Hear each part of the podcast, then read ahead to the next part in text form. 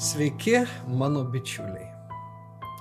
Man smagu vėl į Jūs kreiptis, sėdint prie mikrofono namuose ir įrašinėjant video tinklalaidę.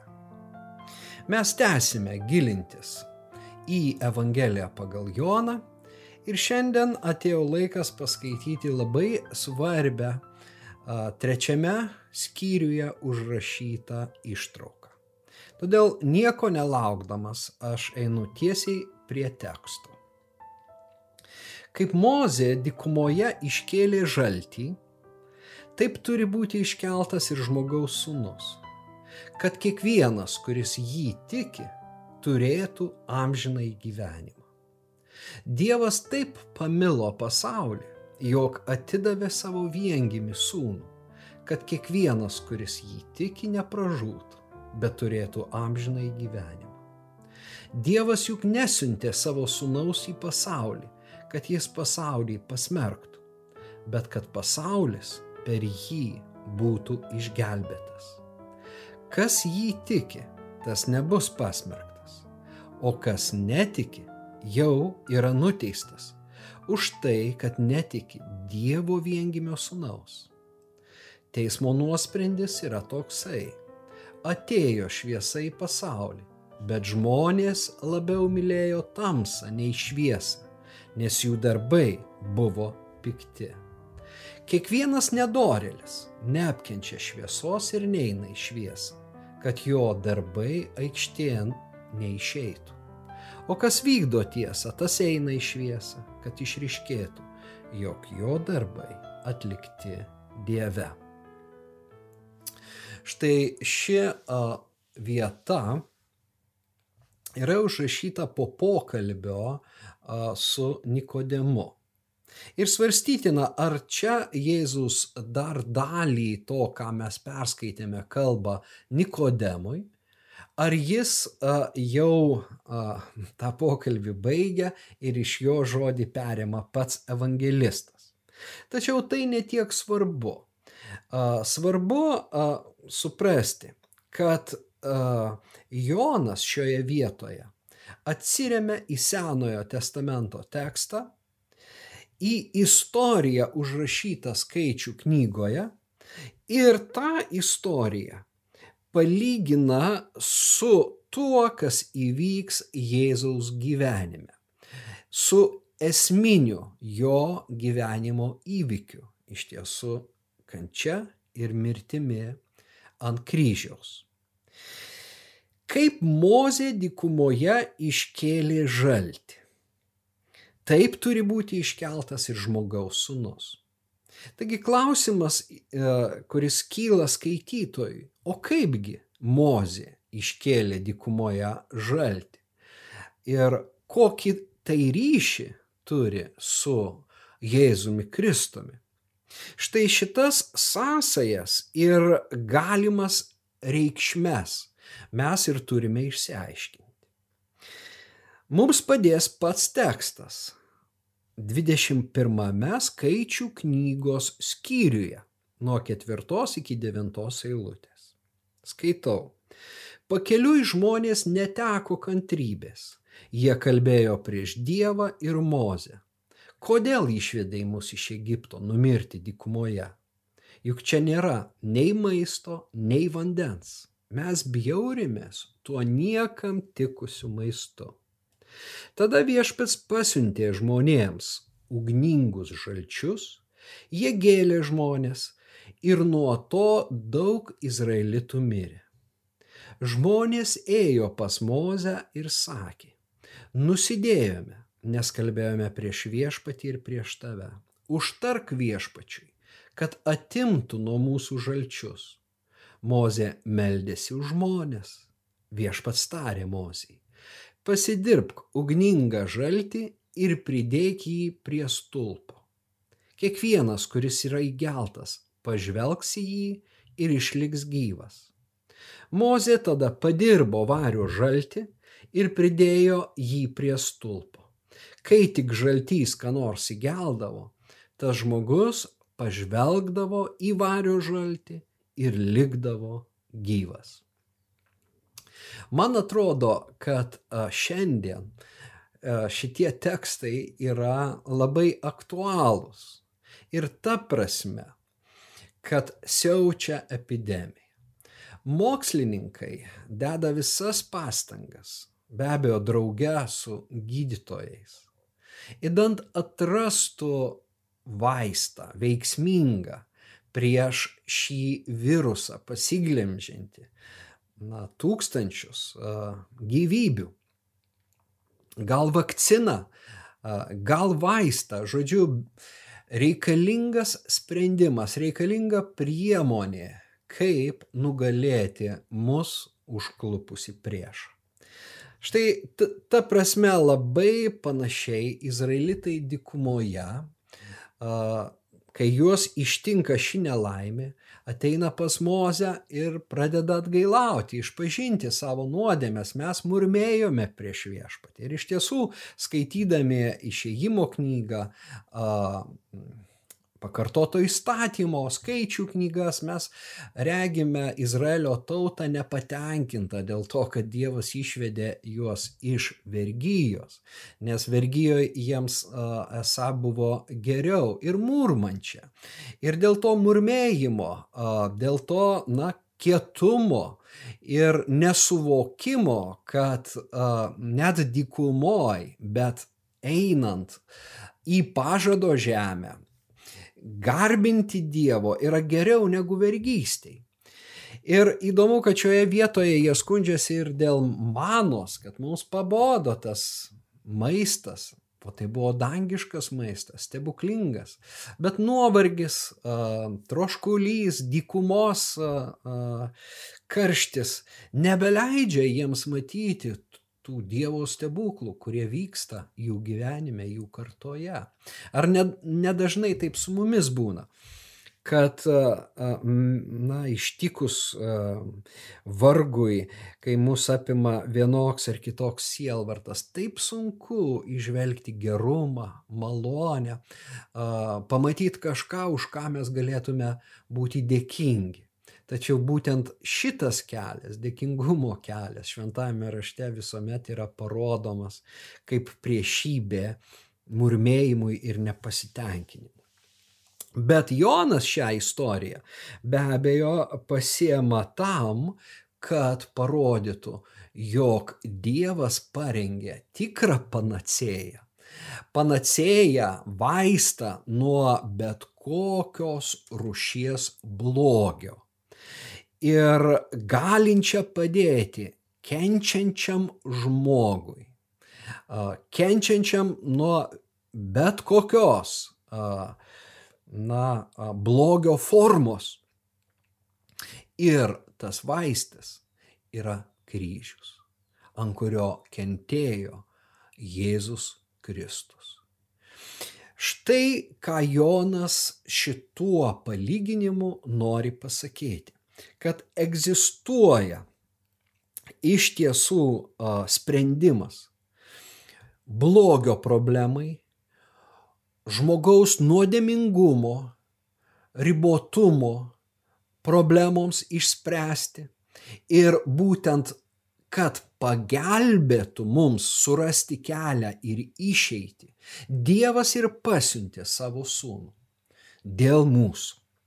Na, aš norėčiau kelis uh, žodžius, kelias pastabas pasakyti apie vertimus, nes galbūt jūs skaitote kitą lietuvišką vertimą, kuriame skaičių knygoje pasakyta, kad uh, gėlė ne ugningi žalčiai, o nuodingos gyvatės.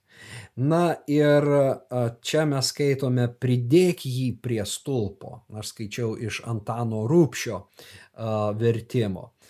O a, Kosto Burbulio redakcijoje mes skaitome iškelk jį ant stulpo. Pastarasis arčiau Jono Evangelijos, kai žmogaus sunus bus iškeltas, pakeltas aukštyn, a, na, reiškia, tai bus tiesą sakant vėliau truputį tas, e, ta frazė, kai žmogaus e, sunus bus pakeltas aukštyn, jūs sužinosite, kad aš esu, sako Jėzus aštuntame Jono Evangelijos skyriuje. Bet čia jau sakoma, kaip Mozė dikumoje iškėlė žaltį. Na, taip turi būti iškeltas ir žmogaus sunus. Dėl ko tie skirtumai, vertimų skirtumai? Na, todėl, kad šitoje vietoje mes turime iš tiesų gan na, neaiškę hebrajišką frazę, žodžių junginį Hanechashim ha serafim,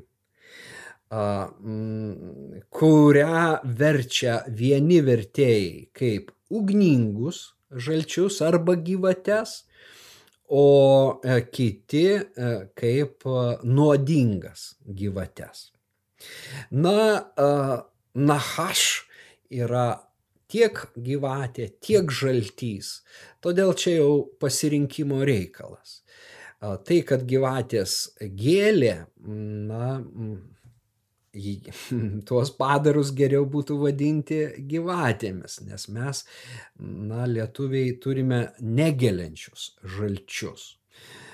Tačiau žaltys yra, na, tokia labiau mitologinė figūra ir galbūt jinai e, todėl vertėjams labiau patinka. Aš, aš nesiemu dabar spėlioti, kodėl e, rūpšys pasirinko žaltį.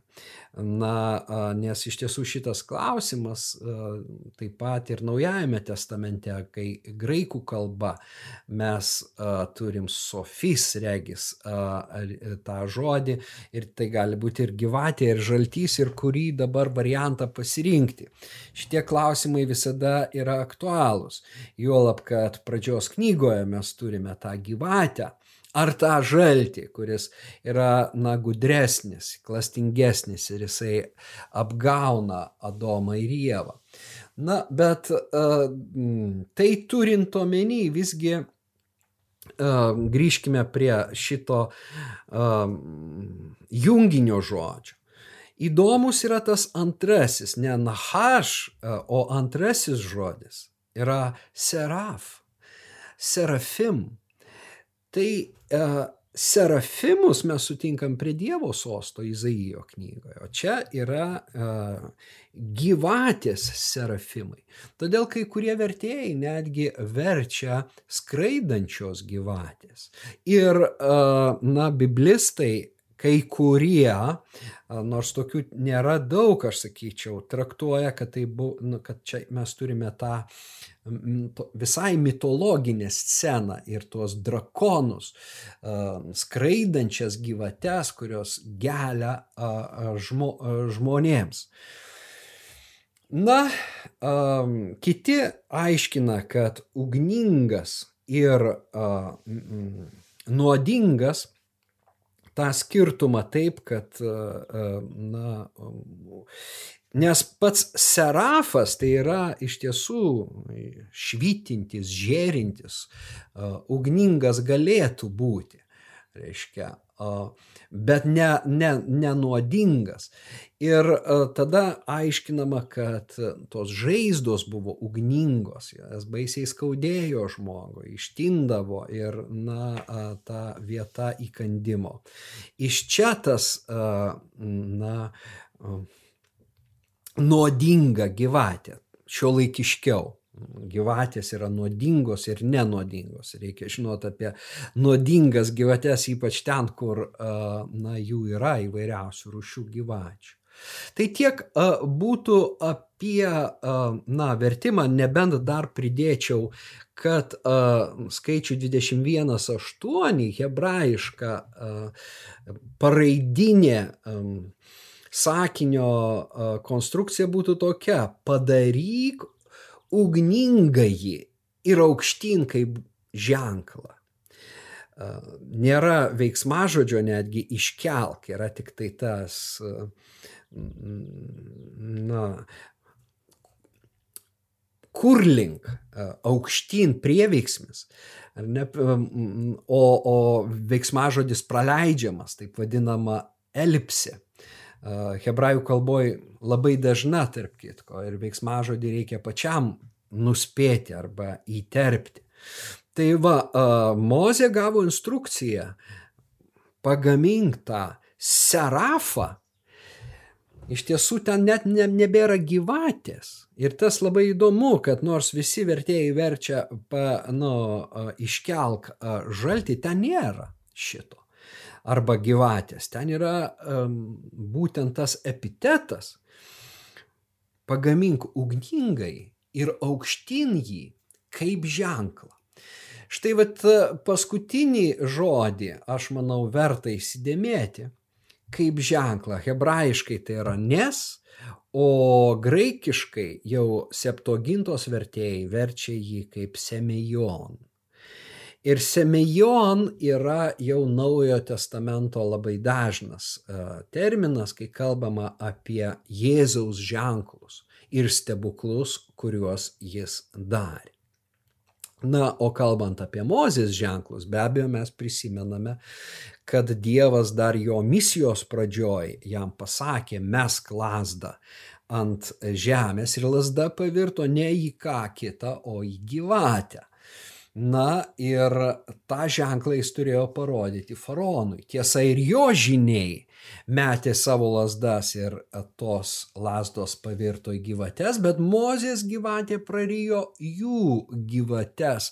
Taigi, na, tas pranašumas Dievo ženklo prieš pagoniškus ženklus tokiu būdu buvo pavaizduotas. Bet pats ženklas vėlgi yra lasda gyvatė, tai primena. Žodžiu, tiek gyvatė Edeno sode, tiek lasda virtusi gyvatė Mozės tarnystės pradžioje, kažkur fone yra, kai mes gilinamės į šitą tekstą skaičių knygoje.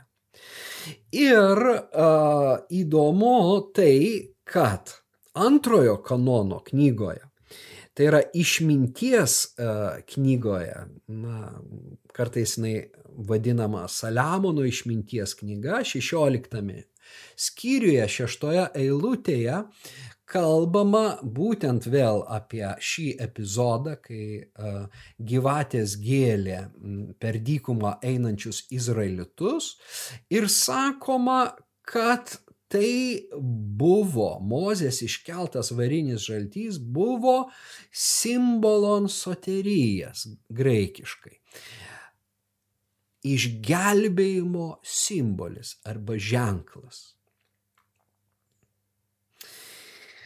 aukštyn kaip ženklą, išgelbėjimo ženklas. Ir čia matomai Jonas būtent, na, pasiema šitą istoriją ir tą požiūrį, kad tai buvo kažkas ženklas, kažkoks tai ženklas, o ženklas visada rodo į realybę.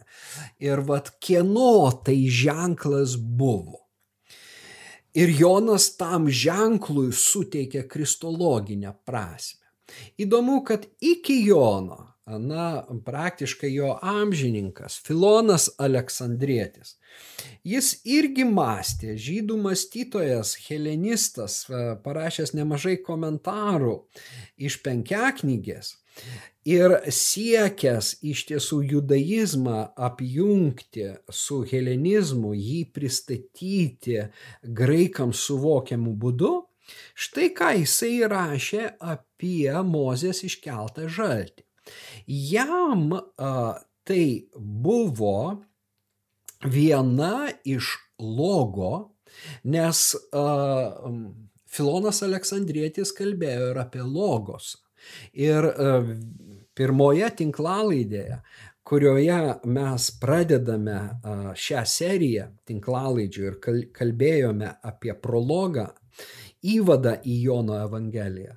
Aš paliečiau iš tiesų ir Filono Aleksandriečio poziciją, mintis apie logosą. Bet čia jisai vėl, reiškia, šita, šitame apmąstyme turi logos savoką, bet jam tas iškeltas žaltys be abejo yra sprendimas, teikiantis išgydymą, o tie tos gyvatės, kurios kanda, na, yra ta blogio problema, ar ne, kamuojanti žmonės. Ir konkrečiai jisai masto taip. Kadangi gyvatė pilvu šliaužioja žemę, jos žvilgsnis yra nukreiptas į žemę. Ir tai simbolizuoja žmonės, kurie nesugeba savo žvilgsnio pakelti aukščiau nuo žemės ir jie gyvena žemiškais rūpešiais ir niekaip negali, na, dvasiškai tobulėti. Ir taip gyvendami patiria daug vargo, tų įkandimų, kenčia iš tiesų, reiškia, na, jisai maždaug vat taip a, a, alegoriškai kalba apie tuos, a, tas gyvates. Tačiau Mozė, iškeldamas varinį a, žaltį, a, rodo kelią žmogui. Tai yra pakelk savo žvilgsnį aukštyn į dangų. Supras, kad gyvenimas nesusideda tik iš žemiškų rūpeščių. Ir, na, tą Mozės žaltį Filonas Aleksandrietis įvardina kaip ištvermės ir savitvardos simbolį. Būtent priešingybė izraelitams, kurie murma, jie neturi susivaldymo, jie yra nenolankus, čia pat kažkas netaip jie maištauja prieš Mozę ir prieš Dievą. O štai Mozė rodo, kad jiems reikalinga ištvermė ir kantrybė einant per dykumą į pažado žemę. Štai taip mąstė, na, Filonas Aleksandrietis. Dar vieną dalyką, ką reikėtų pasakyti, na, gilinantis į tą foną. Mes kalbame apie foną, kuris greičiausiai e, Evangelijos autoriui Jonui buvo žinomas. Tai reikia pasakyti tai, na, kad žaltys apskritai pagonių šventyklose yra labai dažnas svečias. Mums tai žinoma iš mūsų protėvių istorijos, iš baltų e, tikėjimo, na ir tai, kad mūsų protėviai namuose turėdavo žaltį, kuris apsaugo, e, padeda ir panašiai. Bet iš tiesų ir graikų kultūroje, ir graikų mitologijoje mes turime, na, tarkime, gydytoją Asklepijų. Tai yra Asklepijas, yra na, dievas, medicinos, gydimo dievas. Ir viename epizode jisai išgydo gyvatės į, į, įkastą karalių. Tarp kitko, originali Hipokrato priesaika prasideda būtent tuo kreipiniu į Apoloną gydytoją ir Asklepijų. Ir a, buvo statomi Graikijoje Asklepijonai, a, gydyklos, būtent Asklepijaus a, vardu. Ir tuose gydyklose taip pat būta žalčių. Po šiai dienai Asklepijaus lasda ir aplink ją apsiviniojusi gyvatė, na, yra kai kurių medicinos įstaigų vaistinių logo. Taigi mes uh, turime iš tiesų vat tokį margą uh, paveikslą, kuriame kažkas gali į, įžvelgti sąsajas su mitologija, su, na, Homero pasakojimais, epais ir, ir taip toliau su pagoniškais ritualais. Ir dalelė tiesos tame bus, mes negalime to visai ignoruoti. Juolab, kad Egipte, pačiame Egipte, vėlgi žalčio ar gyvatės atvaizdas buvo vienas iš tų atvaizdų, kuriuos egiptiečiai garbindavo. Ir sakoma, kad na, žalčio amuletai buvo gaminami ir jie yra surandami. Išeitų kas? Išeitų, Ir tai yra labai paradoksalu, kai žmonės prašo Mozės daryk ką nors ir jis meldžiasi ir gauna atsakymą iš Dievo, tas atsakymas yra, na, labai žmonėms suprantamas, bet galėtume sakyti pagoniškas. Nes kai jis iškelia varinį žaltį, varinę, na, gyvatės tą atvaizdą, žmon, žmonėms tai iš karto Egipto vaizdai, jie žino, ką tai reiškia, jiems nesunku mm, patikėti, kad dabar atsivers kažkokios tai galios. Bet iš tiesų, taip kaip šventasis raštas pasakoja, mes suvokiame, kad pasakojama yra apie Dievo stebuklus, apie uh, Jahvės galę, uh, kurią jisai parodo iš meilės Izraeliui. Tai va. Tačiau, na, šitoje konkrečioje situacijoje iš tiesų Dievas prabyla labai žmonėms suprantamų būdų, jis vėlgi ateina iki žmogaus, iki jo suvo, suvokimo, tam, kad jam padėtų. Štai lygiai taip pat, ką mes turime įsikūnyjime, kad Dievas tampa žmogumi ir gyvena tarp mūsų tampa vienu iš mūsų, kad mes į jį įsižiūrėtume ir suprastume. Ir mes iš tiesų esame kviečiami įsižiūrėti į Jėzų Kristų ir suprasti, koks yra Dievas.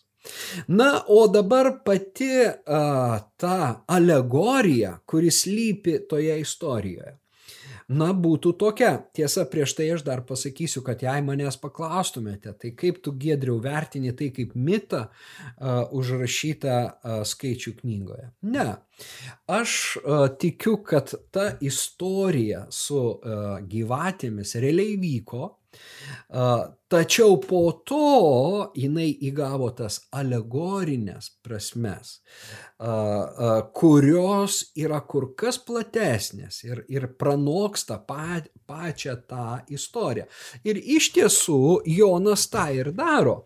Jisai paima Senojo testamento istoriją ir iš jos padaro analogiją su Jėzaus gyvenimu ir su visos žmonijos situacija.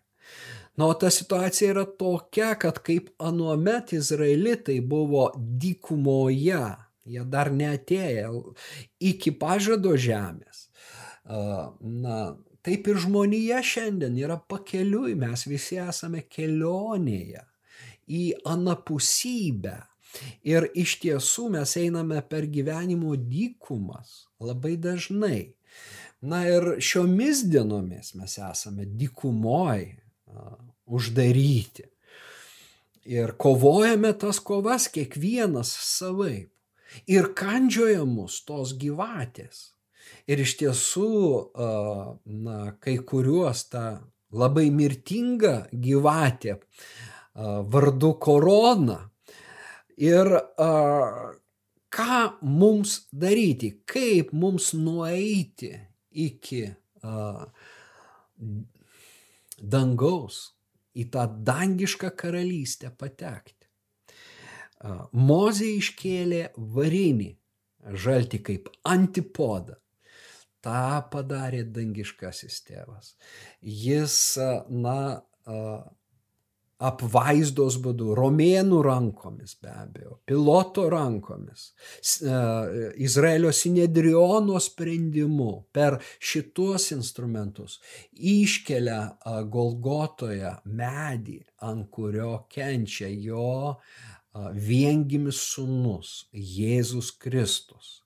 Mums tikintiesiems jis yra išganytojas, gelbėtojas, viešpats kad suteiktų mums išgydymą. Sielos išgydymą. Mūsų sielos pažeistos ir mūsų kūno pažeisto nuodėmingumo. Kad atneštų laisvę uh, iš, iš to prakeikimo. I, mes esam bejėgiai susigrumti. Na ir šiandien mes žiūrėdami net į šitą uh, lygą siaučiančią, jaučiam tą, vat, na, žmonijos ribotumą, jėgų limitus. O ką kalbėti apie nuodėmingumą? Uh, koks žmogus bejėgis pats savo jėgomis nugalėti nuodėmę. Ir be abejo, Filonas Aleksandrėtis, nors pilnas gerų ketinimų, jisai tikro sprendimo nepasiūlo, rodydamas įdorybę vietoj, na, to maištavimo. O kaip tą dorybę susikurti? Jeigu nėra gelbėtojo, kaip pasprūkti nuo nuodėmės? Kaip yra tai, e, sako Aurelius Augustinas, kad, e, na, gero aš nenoriu, atkartodamas Paulių, o bloga prie manęs pritampa. Kaip yra va šitie dalykai ir kaip juos išspręsti. Ir Jonas rodo mums į Jėzų. Jėzus Kristus, jo kryžius, šitas simbolis yra a, išeitis, yra mūsų išgelbėjimas.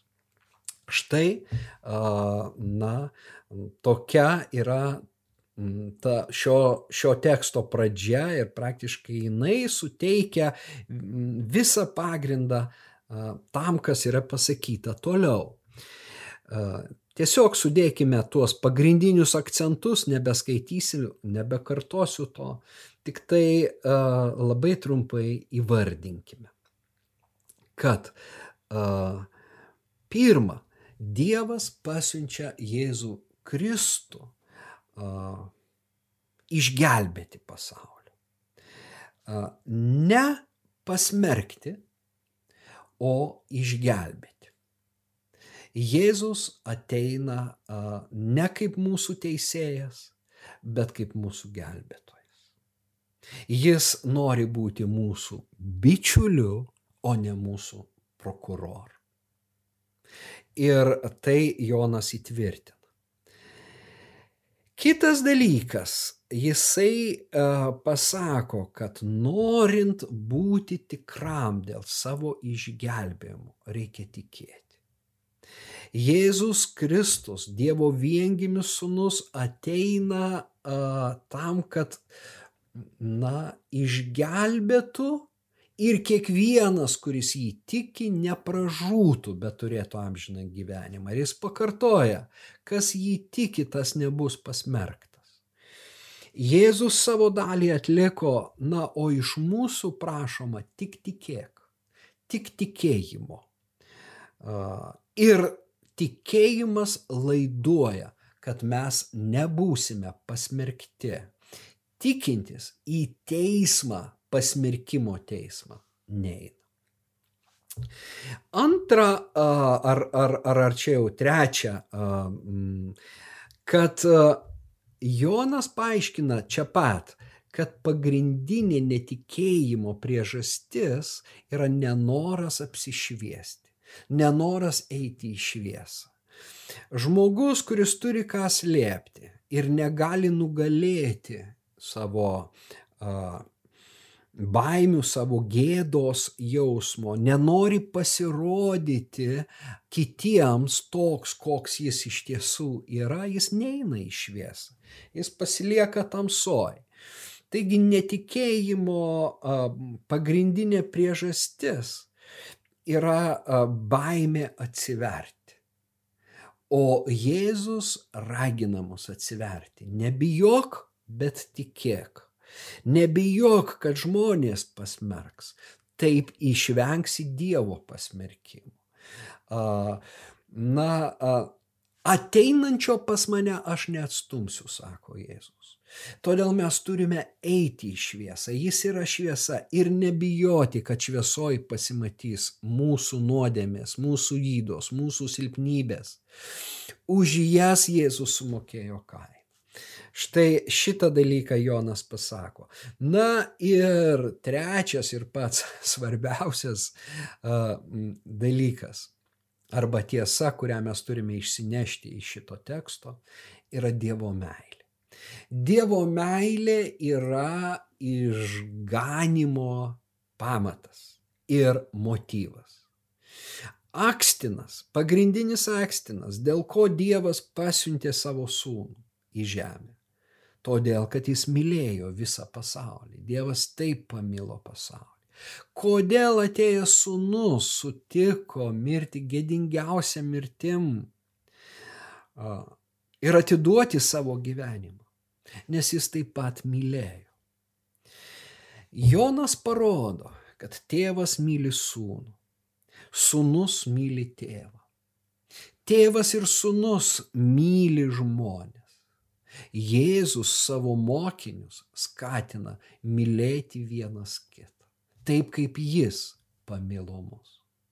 Jonui agape, meilė ir agapao veiksmažodis mylėti yra raktiniai žodžiai jo raštų, jo tekstino raktiniai žodžiai.